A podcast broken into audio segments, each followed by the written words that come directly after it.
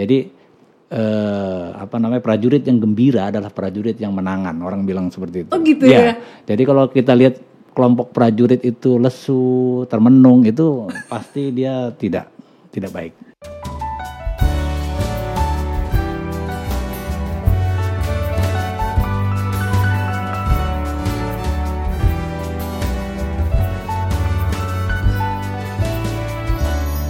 Datang di Inside the Cover episode kali ini. Enkomedia bangga banget, seneng banget karena yang hadir uh, bukan kaleng-kaleng. Aduh, saya aja mau mewawancarai beliau yang satu ini sampai nggak bisa tidur berhari-hari karena grogi. Gimana nggak grogi ya? Karena em, ini tuh bapak yang satu ini punya profesi yang diidamkan oleh hampir semua anak laki-laki. Kalau dia masih TK pasti kalau ditanya besok kalau gede mau jadi apa? Mau jadi tentara. Aduh kan gimana nggak serem coba kan ya. Hari ini saya mau wawancarai bapak Wiyata Sempana Aji. Kalau dengan gelar yang lengkap adalah Letkol Infantri Wiyata Sempana Aji SEMDS. Beliau adalah Komandan Kodim 0735 Surakarta. Pak Dandim, selamat malam. Selamat malam Mbak Elis, mana kabarnya? Sehat? Kabar baik Bapak, terima kasih sekali lagi. Pasti teman-teman yang di rumah akan senang banget dengerin obrolan hari ini karena jarang-jarang kan kita bisa ngobrol sama Pak Dandim. Biasanya ketemu aja langsung deg-degsir gitu. Kan kalau pakai seragam kayaknya serem gitu loh Pak. Jadi kalau kalau seperti ini enggak ya, lebih humanis ya? Iya. Tapi memang eh, kenapa sih Pak tentara itu stylenya menyeramkan gitu pakai ih takut gitu. Oh sebetulnya sih menurut saya tidak menyeramkan Mbak ya. Memang kita kan garda eh, pertahanan negara ya. Pak, tentunya seragam itu banyak fungsinya. Kalau seragam yang punya camouflage atau eh, samaran itu tentu untuk menyamarkan kegiatan kita ketika bertempur. Oh. Nah, kalau kita sedang menggunakan pakaian dinas harian yang warna hijau itu ya, itu me- harus menampilkan menampilkan ketegasan, menampilkan sosok yang eh, rapi Betul, gitu. betul, Jadi betul. memang ya itu memang harus sosok yang harus ditampilkan. Masa penjaganya mencela jadi kan nggak Iya bener juga sih. Pak ngomong-ngomong soal cita-cita, Bapak juga salah satu dari anak yang zaman TK atau zaman masih kecil kalau ditanya eh, besok kalau besar mau jadi tentara, Bapak jawab pengen jadi tentara, memang. Honestly enggak. Dulu kalau saya kan kelahiran 80 mbak. Eh, eh. Eh, salah satu tokoh idola Indonesia pada saat itu ada namanya teknokrat B.J. Habibie. Betul, B.J. Ah, Habibie. Ya. ya itu termasuk salah satu idola saya juga sih pada saat itu. Terus Bapak kepengen seperti beliau. Iya, tentunya kita kan kan suatu yang sangat apa namanya menakjubkan ya, bisa Hmm, merancang pesawat, kemudian ya itu suatu yang menurut saya wow lah. Hmm. Jadi pada saat kecil, walaupun saya juga keluarga tentara, Hah? keluarga tentara, tapi cita-cita saya pada saat kecil ya sebetulnya ingin jadi insinyur seperti Pak Habibie. Oke, Habibie. oke. Nah, terus kemudian kok jadi tentara? ya tentunya lingkungan juga Hmm. berpengaruh kemudian juga tumbuh ya eksak pelajaran eksak pelajaran Hmm. eh, ilmu pengetahuan alam tentu tetap masih menjadi favorit saya di sekolah ya tapi begitu kita dewasa kan kita punya pilihan-pilihan juga Hmm. Eh, ya salah satunya juga karena dipengaruhi oleh juga kebetulan keluarga saya kakak saya satu-satunya yang laki-laki juga menjadi tentara. Hmm. yaitu mungkin sedikit banyak yang namanya dua anak laki-laki ketika kakaknya eh, memilih profesi sesuatu yang juga gagah dan itu menarik ya kita juga punya keinginan juga. Nah itu salah satu yang mendorong Orang tuanya Pak Wiyata sendiri? Eh, kalau orang tua saya pada prinsipnya memberikan pilihan itu kepada saya. Tapi tentara juga Pak? tentara tentara juga Oke jadi terinfluence dari keluarga akhirnya cita-citanya oke jadi tentara. Pak, kalau pengen jadi tentara itu prosesnya gimana sih Pak dari sekolah kan sekolahnya SMA biasa berarti Bapak Iya SMA negeri dulu SMA negeri terus gimana tuh Pak kalau lulus SMA terus harus ke mana? Kalau pengen jadi tentara nih kalau teman-teman yang di rumah mungkin ini SMA terus atau SMP aku kepengen jadi tentara gitu. Oke, kalau sekarang memang paling rendah kita menerima rekrutnya adalah lulusan SMA, lulusan SMA setingkat. Nah kita sebetulnya di tentara itu ada tiga golongan, ada golongan perwira, ada golongan bintara, ada golongan tamtama. Oke. Ini berbeda-beda jalur masuknya, kemudian persyaratannya juga berbeda-beda. Nah, yang untuk perwira yang seperti saya, kita lanjutannya ke eh, jalur akademi militer. Nah, itu memang seleksinya kalau pada waktu dulu tuh mulai-mulai bulan Februari atau Maretnya sudah mulai seleksi di tingkat panitia daerah di tingkat daerah dulu, kemudian nanti yang lulus di tingkat daerah akan seleksi pusat di tingkat pusat dulu di Magelang, kemudian kalau lulus baru lanjut ke pendidikan di akademi militer.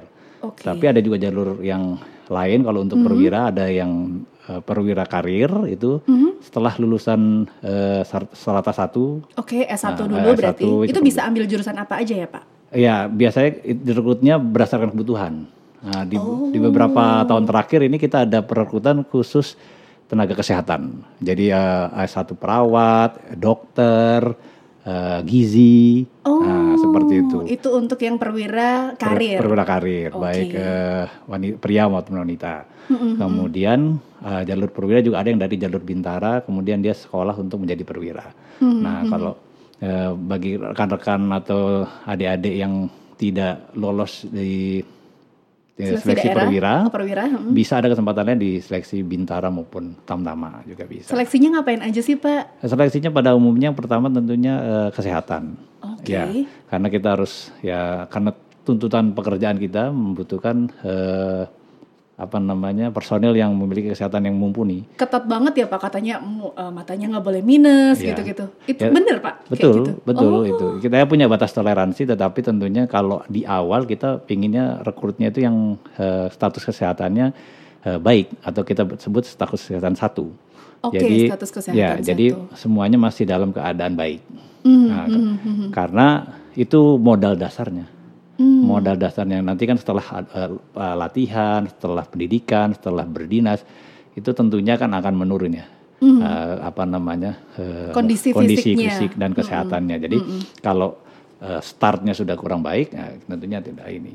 Tapi kalau seperti untuk prajurit karir ada toleransi-toleransi misalnya eh, kacamata dan lain sebagainya. Karena yang dibutuhkan adalah eh, keilmuannya, keahliannya. itu tadi ya Pak misalkan itu. dokter atau perawat Ya, seperti itu betul. oke terus kalau misalkan sekolah atau di akademi itu Ya. bapak berapa lama waktu itu sekolahnya Kalau di akademi militer pada saat zaman saya tiga setengah tahun. Oke. Nah, tapi yang sekarang kurikulumnya sudah menjadi empat tahun. itu berarti kan di asrama ya pak ya Iya. betul-betul uh, terisolir dari dunia luar kan memang tinggal bersama dengan teman-teman sesama uh, apa namanya Taruna. Yang- taruna namanya Ya, ya waktu betul. itu nah terus kegiatannya sehari-hari ngapain pak kalau di isolate di situ terus uh, sehari itu betul-betul kayak yang kita tonton kalau di film-film wah pagi harus bangun pakai trompet pakai apa gitu-gitu Ya betul mbak. Tapi ya sebetulnya bukan anu ya seperti sama seperti boarding school lah kalau menurut saya. Oh Cuma ya kegiatannya lebih tertata. Tapi saya yakin juga sekarang boarding school boarding school sama sih. Dia punya aturan kapan jam tidur, kemudian harus bangun jam berapa. Ya kita juga sama hanya eh, itu memang apa namanya metode untuk melatih kedisiplinan.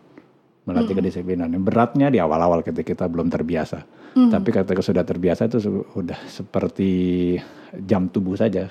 Jadi kadang-kadang tidak usah ada trompet pun kita sudah bangun karena pada jam-jam segitu pasti kita Otomatis sudah bangun. Otomatis bangun. Terus kalau Bapak mengingat masa sekolah dulu, apa yang paling berat di awal? Kan tadi Bapak ceritakan kalau di asrama itu ya beratnya di awal waktu akademi itu apa Ya. yang paling berat buat Bapak menyesuaikan diri dari yang sebelumnya tinggal bersama dengan keluarga, terus habis itu masuk akademi. Ya. Tentunya pada awal itu namanya kita sebutnya kawah standar di muka, yaitu tiga setengah bulan. Ya banyak sekali larangan di situ. Kita tidak boleh keluar. Ya kalau kita sebutnya kalau sudah jadi taruna ada namanya pesiar. Itu setiap hari Rabu, Sabtu itu kita bisa keluar. Ada dengan waktu-waktu tertentu. melakukan pesiar. Nah kalau pada tiga setengah bulan itu sama sekali kita tidak boleh keluar, eh, tidak boleh ketemu keluarga. Ya, Bawa handphone nggak Pak? nggak boleh zaman itu mana belum ada handphone ya, bersurat Pager gitu? bersurat aja belum nggak boleh pada saat itu. Pacarannya gimana ya? jadi memang yang beratnya itu adalah itu peralihan dari kita sipil kemudian eh, segalanya diatur ya kan? Eh, berpakaian diatur waktu makan diatur eh, bergerak diatur berbaris harus eh, harus berlari ya kan? Lima langkah lari. Nah ini memang penyusian penyusian tapi itulah yang apa namanya eh, membentuk karakter kita Latihan fisik itu dimulai sejak awal Pak, kalau di akademi itu. Iya, eh, ya fisik pasti terbentuk dengan sendirinya ya. Kalau ya, selain ada materi-materi khususnya, tapi itu juga merupakan bagian dari keseharian gitu. Oh, Ya, bagian jadi nggak cuma pas pelajaran aja latihan Ya. fisik itu, tapi betul-betul ya dari bangun pagi, habis Ya. itu ada olahraga dan lain sebagainya. Betul. Itu sudah jadi activity sehari-harinya. Ya, jadi memang jadi kebutuhan kita juga untuk menjaga kebugaran. Kalau enggak nanti kita yang keteteran sendiri gitu. Hmm. Jadi ya. Setelah udah selesai, terus Bapak pertama kali bertugas di mana waktu itu? eh pertama kali saya jadi kalau kita di akademi militer itu eh, dijuruskan ke beberapa eh, bagian. Ada saat, eh, jurusan tempur, Heeh. kemudian jurusan bantuan tempur dengan jurusan administrasi. Hmm. Nah, jurusan tempur ada beberapa korps lagi, ada kecabangan lagi, ada infanteri, ada artileri, infanteri itu eh, prajurit eh, berjalan, prajurit yang depan dengan bersenjata ringan. Nah, itu kalau perang-perang di hutan yang eh, masuk-masuk hutan infanteri itu. Hmm. Kemudian ada artileri, artileri ini yang berhubungan sama senjata lengkung. Jadi meriam. Oh, Nah, jadi iya, iya, iya. Eh, persenjataannya adalah lintas lengkung. Lintas lengkung Oke. artinya eh, memerlukan proyek apa namanya proyeksi untuk jadi bantuan tembakan lah. Betul, Nah, betul, itu. betul. Dibagi dua ada artileri medan yang dari ah, ground to ground, Mm-mm. ada artileri pertahanan udara yang senjatanya tuh ground to air. Nah, itu artileri. Oh, banyak banget. Banyak. Nah, nah, setelah akademi militer itu baru kita eh, dijurusan ke sana ada namanya sekolah dasar kecabangan. Nah, selama kurang lebih eh, lima bulan itu saya Bapak sekolah- infanteri. Ya, saya sekolah dasar kecabangan infanteri di Pusenip di Cipatat sana di Bandung. Nah, pada saat saya sekolah itu ada seleksi eh, pasukan khusus. Oh, oke. Ya, seleksi pasukan khusus. ya, saya termasuk dari 23 angkatan saya yang terpilih untuk masuk ke pasukan khusus. Kriterianya apa Pak untuk bisa masuk? Itu kan terpilih banget dari sekian banyak, terus hanya sedikit yang bisa masuk. Betul. Jadi memang eh, kriteria awalnya pertama berminat. Oke. Ya harus minat karena memang eh, latihannya cukup berat. Ya habis itu tentunya eh, standar fisiknya juga berbeda, lebih tinggi. Kemudian juga kita di tes psikologi. Nah tes psikologi ini penting karena eh, pada saat latihan ataupun penugasan diperlukan eh, apa namanya ketenangan di dalam saat-saat yang eh, terdesak atau saat-saat genting. Kalau orangnya mudah stres, ini tentunya tidak akan mungkin terpilih masuk ke pasukan khusus. Nah, Setiap hari latihan terus ya Pak. Berarti udah di kecabangan kan berarti semakin ditajamkan dong Pak itu kemampuannya. Betul, di setelah saya lulus eh, di dasar kecabangan, baru lanjut lagi namanya latihan komando untuk menjadi pasukan khusus itu. Panjang ya Pak ya Panjang. prosesnya. Saya pikir eh, udah selesai akademi terus udah deh bisa langsung ditugaskan gitu. Betul. Nah, untuk yang lain betul dia setelah dasar kecabangan dia langsung berdinas di satuan masing-masing. Tapi kalau kami untuk yang Kopassus kita ada latihan tambahan karena memang untuk memperoleh kemampuan-kemampuan yang dibutuhkan sebagai pasukan khusus ada perlu latihan-latihan lain juga.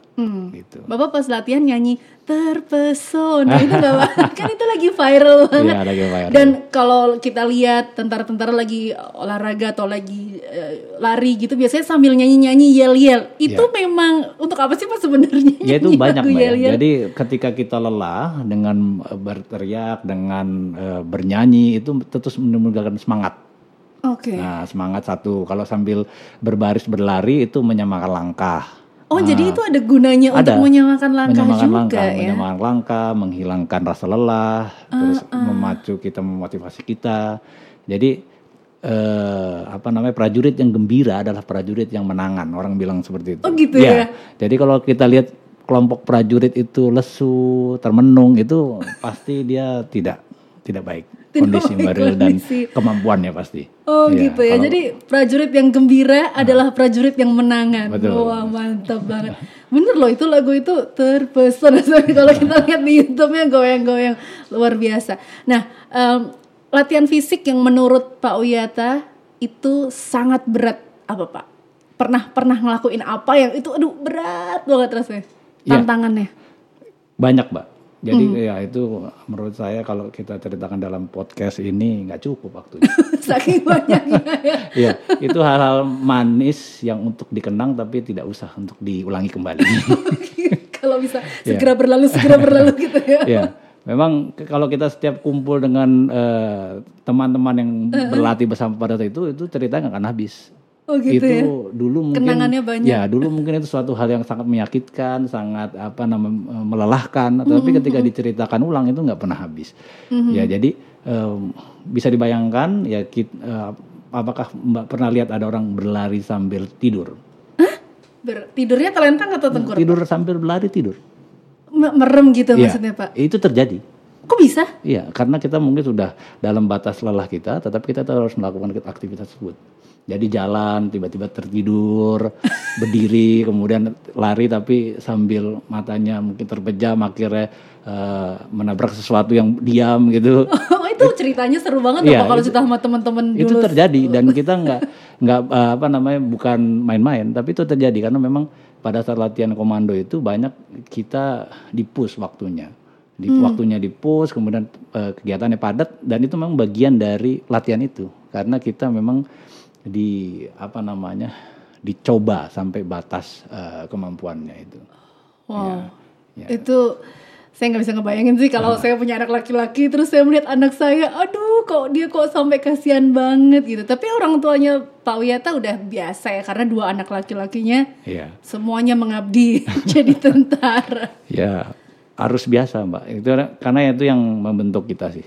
Jadi Homesick nggak sih Pak waktu sekolah gitu? pasti ada, pasti ada. Tapi kan nggak boleh pulang kan Pak kalau sekolah gitu. nggak boleh nggak boleh Kemar pada saat latihan eh, komando bahkan kita bagaikan eh, apa namanya prajurit terendah di angkatan darat itu karena kita dilepas pangkatnya Oh. Eh, itu hanya terjadi di latihan eh, komando jadi untuk tidak menimbulkan rasa perkewuh ataupun ragu untuk pelatihnya itu semua yang ikut latihan itu dilepas pangkatnya jadi Dianggap sama semuanya, semuanya ini lagi dilatih gitu Ya, semuanya. jadi pada saat itu walaupun kami perwira, kemudian yang melatih itu tamtama atau bintara, mereka bisa berbuat apa pun terhadap kita karena kita nggak punya pangkat. Dan nggak boleh marah juga Nggak yang boleh marah, dilatih. nggak boleh marah. Tetapi apabila ada eh, kesalahan, apabila ada yang yang melakukan salah, tetap kita yang perwira yang dikumpulkan. Jadi tidak bisa lepas tanggung jawab. Tidak Oh. belakangan. Dan itu yang membentuk kita memang. Jadi kita sebagai perwira itu harus peduli. Mhm, Kita tidak boleh eh, apa namanya memikirkan diri sendiri walaupun dalam Mhm. keadaan kita lelah, kita capek, kita juga harus ada yang dikerjakan. Tapi kita harus Mhm. tetap eh, bisa memimpin, kita harus bisa tetap eh, teliti, tetap mengecek Mhm. anggota yang menjadi tanggung jawab kita. Karena siapa pun yang salah tetap perwiranya dipanggil. Oke, wah tanggung jawabnya berat juga ya. Semakin tinggi pangkatnya tuh sebetulnya tanggung jawabnya juga Betul, eh, makin berat. Kalau saya nggak salah baca di Wikipedia, Bapak sempat ditugaskan di Aceh.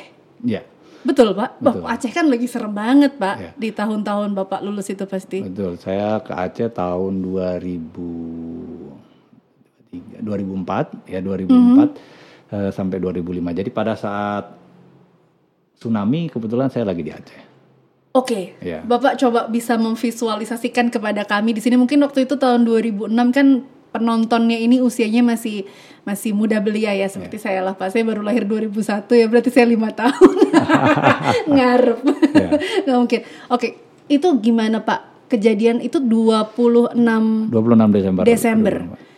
Apa yang terjadi saat itu dan apa yang dilakukan Pak Wiyata saat itu di sana? Kebetulan pada saat itu saya lagi eh, namanya kita lagi gerakan ya gerak lagi masuk dalam eh, apa namanya eh, kita bilang kolam. Jadi setiap eh, unit itu kita dibagi daerah tanggung jawab area of responsibility yang kita biasanya sandinya kita bilang kolam. Nah kita sedang melakukan patroli daerah itu. Kebetulan daerah eh, tanggung jawab saya di ada di daerah pegunungan. Oke. Ya, jadi yang kita rasakan pada pagi itu ya gempanya yang yang luar biasa. Nah, gempanya kurang lebih hampir satu menit dua menit dan cukup lama lah untuk ukuran gempa dan cukup eh, apa namanya Terasa ya Pak. rasa ya? goyangannya. Dan kemudian ada dentuman-dentuman. Oke. Ada dentuman. kita pikir waktu itu ada eh, sedang ada bantuan tembakan dari Armet terhadap daerah yang lain, gitu ya, artileri Medan. Ternyata ya mungkin itu apa namanya ombak atau apa dan lain sebagainya. Ya retakannya Ya. itu juga bisa jadi. Kemudian sore harinya hujan. Sore harinya hujan. Nah, kita selesai saya gerak, gerakan itu baru kita turun lagi ke daerah yang ada penghuninya baru baru bisa lihat berita. Tapi itu pun juga sudah banyak eh, gempa-gempa susulan. Jadi seminggu ke depan ke, dep- ke depannya itu masih banyak Oh gempa-gempa jadi nggak berhenti hari itu aja ya Pak? ya? Tidak. Masih banyak gempa-gempa kecil susulan yang memang eh, apa namanya? Kita juga ya apa namanya hati-hati harus tetap waspada lah pada saat itu. Berarti teman-teman TNI yang bertugas di daerah Aceh yang di bawah, artinya yang tidak di gunung, mereka juga langsung terjun ke ini ya Pak ya, Betul. ke lapangan. Kan? Pada saat itu eh, kita jadi dibagi dua. Ada yang melaksanakan misi kemanusiaan, ada yang tetap melaksanakan eh, misi sesuai dengan operasi yang awal. Oh, Nah, tapi itu kan tidak berjalan lama karena di tengah tahunnya sudah ada MOU Helsinki. betul, Ya, betul, jadi betul. selang tidak lama dari kejadian eh, tsunami itu, memang status yang di Aceh sudah berubah, sudah, Oke, sudah. men- eh, mengalami damai, ya, Lebih aman MOU ya. Helsinki. Mm, mm, mm, mm. Oke, terus setelah itu Bapak kan kalau tentara itu saya dengar pokoknya jawabannya hanya siap, siap, siap. Kalau komandannya bilang ah ya siap, siap, siap. Terus habis itu Bapak dipindah-pindahkan. Gimana sih Pak rasanya? Ya ampun udah kayak ini ya di Solo dari tahun 2019 nih kan Ya. udah pasti udah seneng banget di Solo. Iya. Nanti suatu saat kan pasti Bapak akan dipindahkan tugas ke mana? Kemarin habis dari Jogja ya Pak ya Jogja Ya. pindah ke Solo. Kalau habis ini pindah yang agak jauh, gimana sih Pak rasanya? Apalagi membawa keluarga terus pindah-pindah Iya. gitu. Rasanya gimana Pak? Oh, itu eh, bagian dari konse- konsekuensi kalau menurut saya. Tapi ya siap. Tentunya kita sebagai manusia eh, perubahan itu suatu yang tidak nyaman. Wajar, wajar banget kita harus beradaptasi dengan lingkungan yang baru, beradaptasi dengan orang-orang baru. Itu wajar sekali kita perlu waktu. Tapi itu bagian dari eh, pendewasaan. Itu bagian dari eh, pengembangan diri. Kalau saya mengambil positifnya. Jadi ya tentunya eh, selama ini belum ada masalah sih, belum ada masalah. Keluarga juga alhamdulillah juga mendukung karena dari awal saya juga menyampaikan bahwa salah satu konsekuensinya menjadi eh, keluarga prajurit adalah kita berpindah-pindah, siap ditempatkan di mana saja. Mantap banget kan teman-teman saya yang anak tentara tuh pasti udah wah udah akrab dengan teman yang ini dia harus pindah sekolah karena ikut ayahnya yang prajurit harus bertugas di Betul. tempat yang lain. Eh, Bapak punya pengalaman apa di Solo yang paling seru selama em, memimpin? Selama di sini, Ah, alhamdulillah di sini saya banyak eh, apa namanya ketemu orang-orang hebat juga ya, Eh, baik pejabat maupun tokoh masyarakat juga. Kemudian di lingkungannya juga ketemu dengan, eh, saya rasa Solo ini cukup apa namanya diverse lah, cukup beragam dan toleransinya cukup tinggi ya. Walaupun kita mungkin dibilang kadang-kadang eh, apa namanya tingkat eh, apa namanya ekstremismenya ada di sini, tetapi kalau menurut saya dalam keseharian saya lihat di sini eh, toleransinya tinggi menurut saya, menurut saya.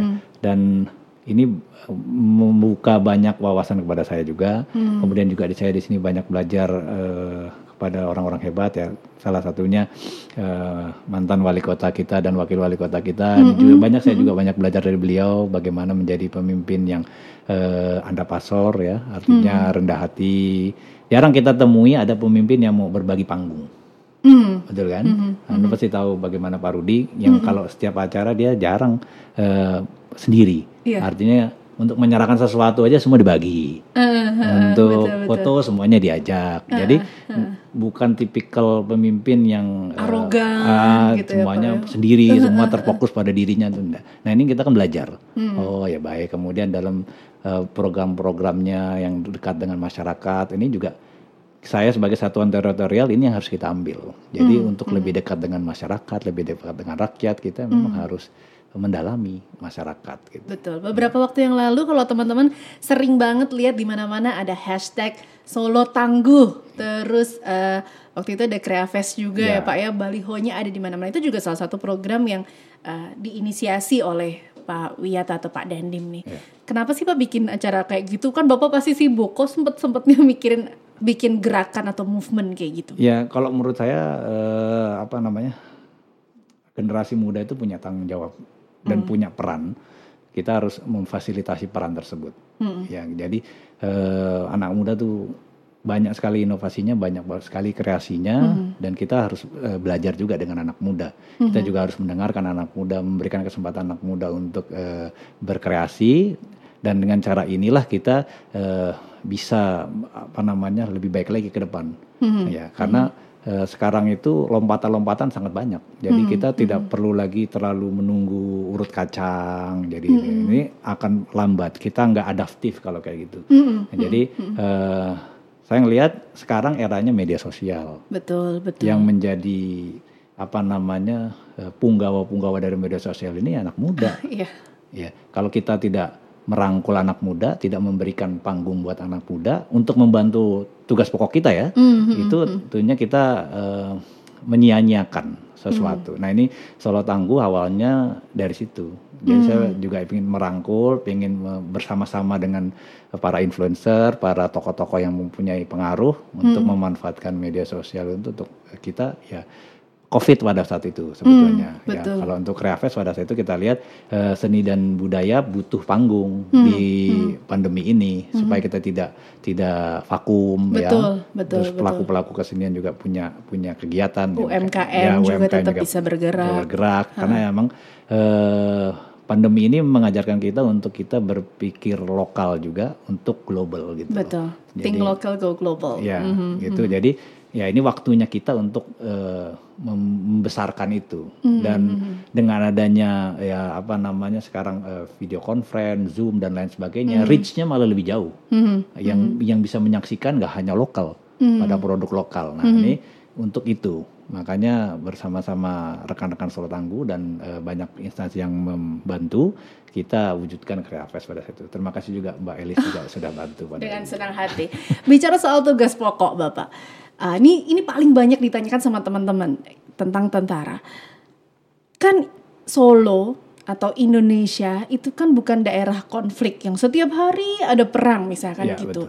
Terus tentara itu tugasnya apa pak kalau nggak ada perang? Karena kalau dibayangkan anak-anak kecil itu kan masih wah tentara itu bawa tembak ke mana-mana, wah eh, pakai samaran daun-daun gitu kan yang di film tuh kan yang Iya. digambarkan kayak gitu. Sedangkan kan kayaknya kayak Solo, terus Indonesia, ya Ya. tidak semua daerah itu ada konflik, hanya beberapa daerah yang mungkin berkonflik. Betul. Terus ngapain pak tugasnya? Ya, kita menyiapkan untuk eh, intinya gini, pertahanan Indonesia itu dirancang sebagai pertahanan semesta.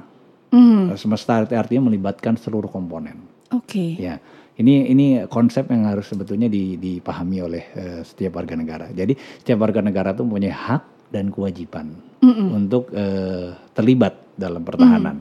Nah, pertahanan sendiri ada tiga komponen, Mbak Elis. Oke. Ada komponen utama, komponen cadangan, dengan komponen pendukung. Hmm, Kami ini komponen utama. Baik. Jadi Tentara Nasional Indonesia itu adalah komponen utamanya. Mhm. Nah, kalau komponen cadangan ini yang sedang kita eh, siapkan. Sampai sekarang belum ada sebetulnya komponen cadangan. Karena komponen cadangan seharusnya adalah eh, bagian dari masyarakat yang sudah dilatih, sudah diangkat dan dinyatakan sebagai komponen cadangan. Nah, ini itu kayak di Korea Selatan wajib militer gitu-gitu Betul. pak? Oh, Exactly. jadi Tapi- orang sipil yang dilatih gitu Iya. dipersiapkan. ya, se- jadi warga negara yang dilatih disiapkan sebagai cadangan. Oh, Tapi kadang-kadang ini kan dipelintir sebagai militerisasi. Padahal enggak. Kalau kita paham konsep bahwa pertahanan Indonesia adalah pertahanan semesta, ini harus dilakukan. Nah, karena kalau ibarat kita main sepak bola, Mm-mm. ya kan, pemain utamanya ada nih. Mm-mm. Ya, pemain cadangannya kan harus ada.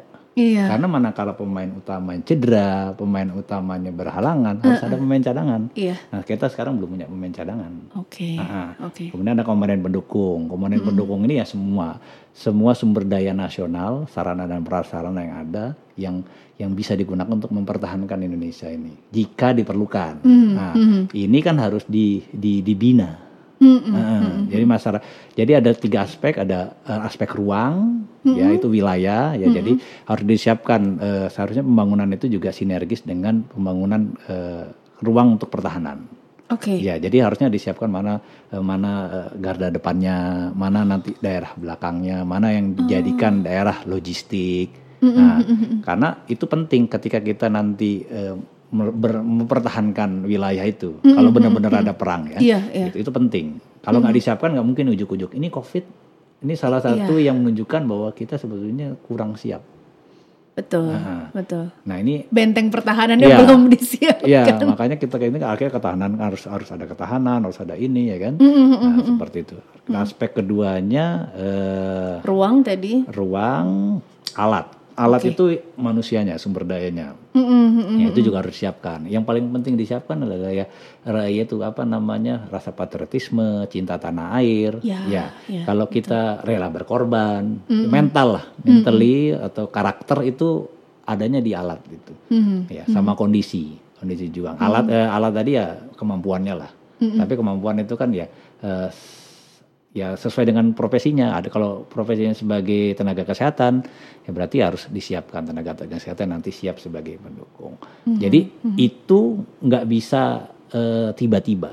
Hmm. Jadi merupakan suatu proses yang harus eh, berkesinambungan dan berkelanjutan. Berarti Bapak dan satuannya itu setiap hari tetap standby menyiapkan yeah. semua pertahanan itu sekalipun kita sekarang nggak menghadapi perang nih Pak, yeah, gitu ya. Betul. Jadi harus tetap termasuk tadi menggandeng masyarakat juga, yeah. pasti ada penyuluhan-penyuluhan, pelatihan-pelatihan juga betul. untuk rasa cinta tanah air dan lain sebagainya Pak. Saya tertarik banget dengan apa yang disampaikan Bapak. Millennials tuh kalau saya pribadi ngelihat hmm. ya Pak, itu kok kayak daya juangnya tuh nggak tinggi beda gitu pak yeah. sama sama angkatannya bapak mungkin angkatan saya juga masih masih oke okay lah kita yeah. masih ada fighting spirit gitu tapi yeah. anak-anak yang sekarang kan mungkin karena udah semuanya serba gampang ya pak yeah. jadi apa-apa instan gitu. Bapak ngelihatnya gimana tuh sama anak-anak muda zaman sekarang nih? Kalau bapak kan banyak, bapak ini bapaknya anak gaul-gaul di Solo soalnya gimana kalau yeah. bapak ngelihat anak-anak muda sekarang? Ya kalau kita lihat sebetulnya ya uh, setiap generasi pasti ada ada cirinya ya beda-beda mm -hmm. ya.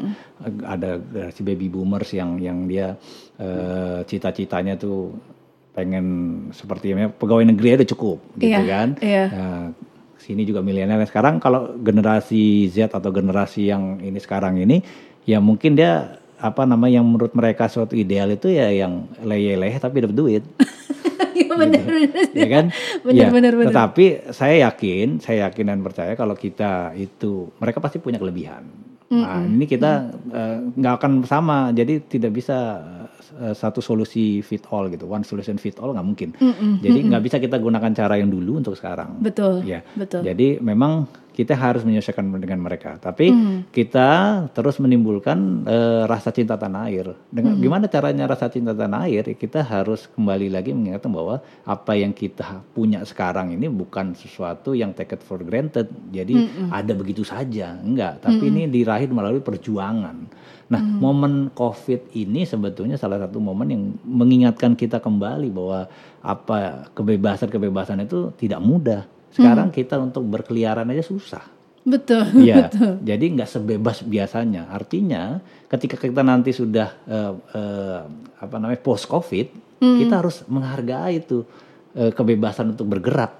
Iya, ya, betul betul. Kan kita ngalamin kita nggak hmm. boleh ke mana-mana, dibatasin gitu ya pak. Ya, jadi ketika kita earn something, pasti -hmm. kita akan lebih appreciate itu. Betul. Nah, kalau untuk sejarah, tentunya kita harus kembali lagi untuk banyak kita ingatkan anak muda kita tentang sejarah-sejarah bangsa mm -hmm. supaya satu mm -hmm. tidak tidak lupa dari jati diri kemudian uh, tidak juga hilang rasa cinta tanah airnya mm -hmm. itu yang mm -hmm. penting sih menurut saya jadi harapannya juga seharusnya banyak uh, influencer-influencer yang kontennya juga uh, setidaknya ada yang membangun itu.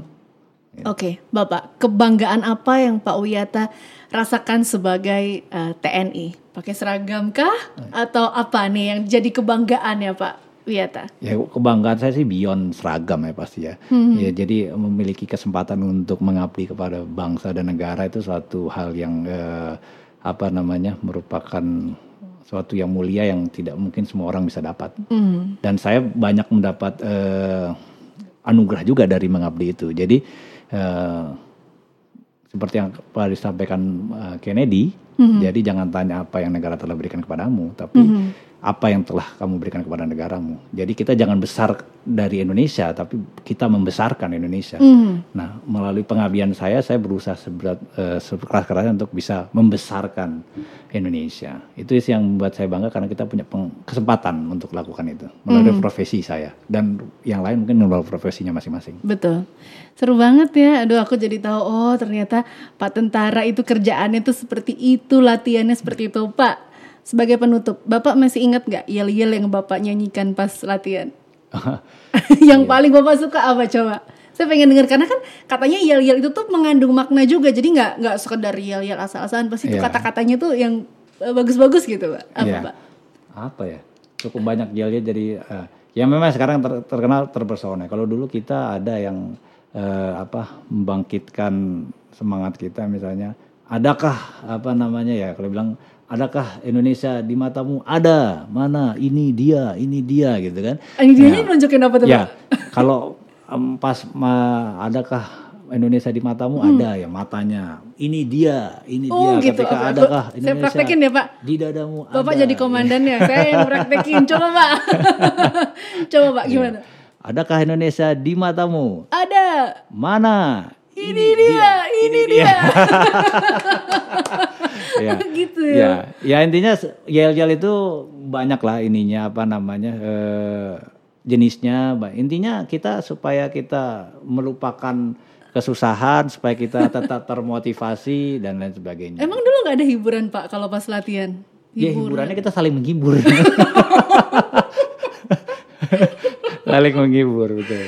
Terus Pak pacarannya gimana Pak kalau zaman dimasukin akademi gitu teman-temannya Bapak juga katanya kalau pergi harus harus barengan gitu kan Pak nggak Iya. boleh keluar sendirian kan? Iya, ketika kita masih eh, tingkat satu, eh, bahkan tidak boleh sesama tingkat satu, Oh. Ah, harus sama senior.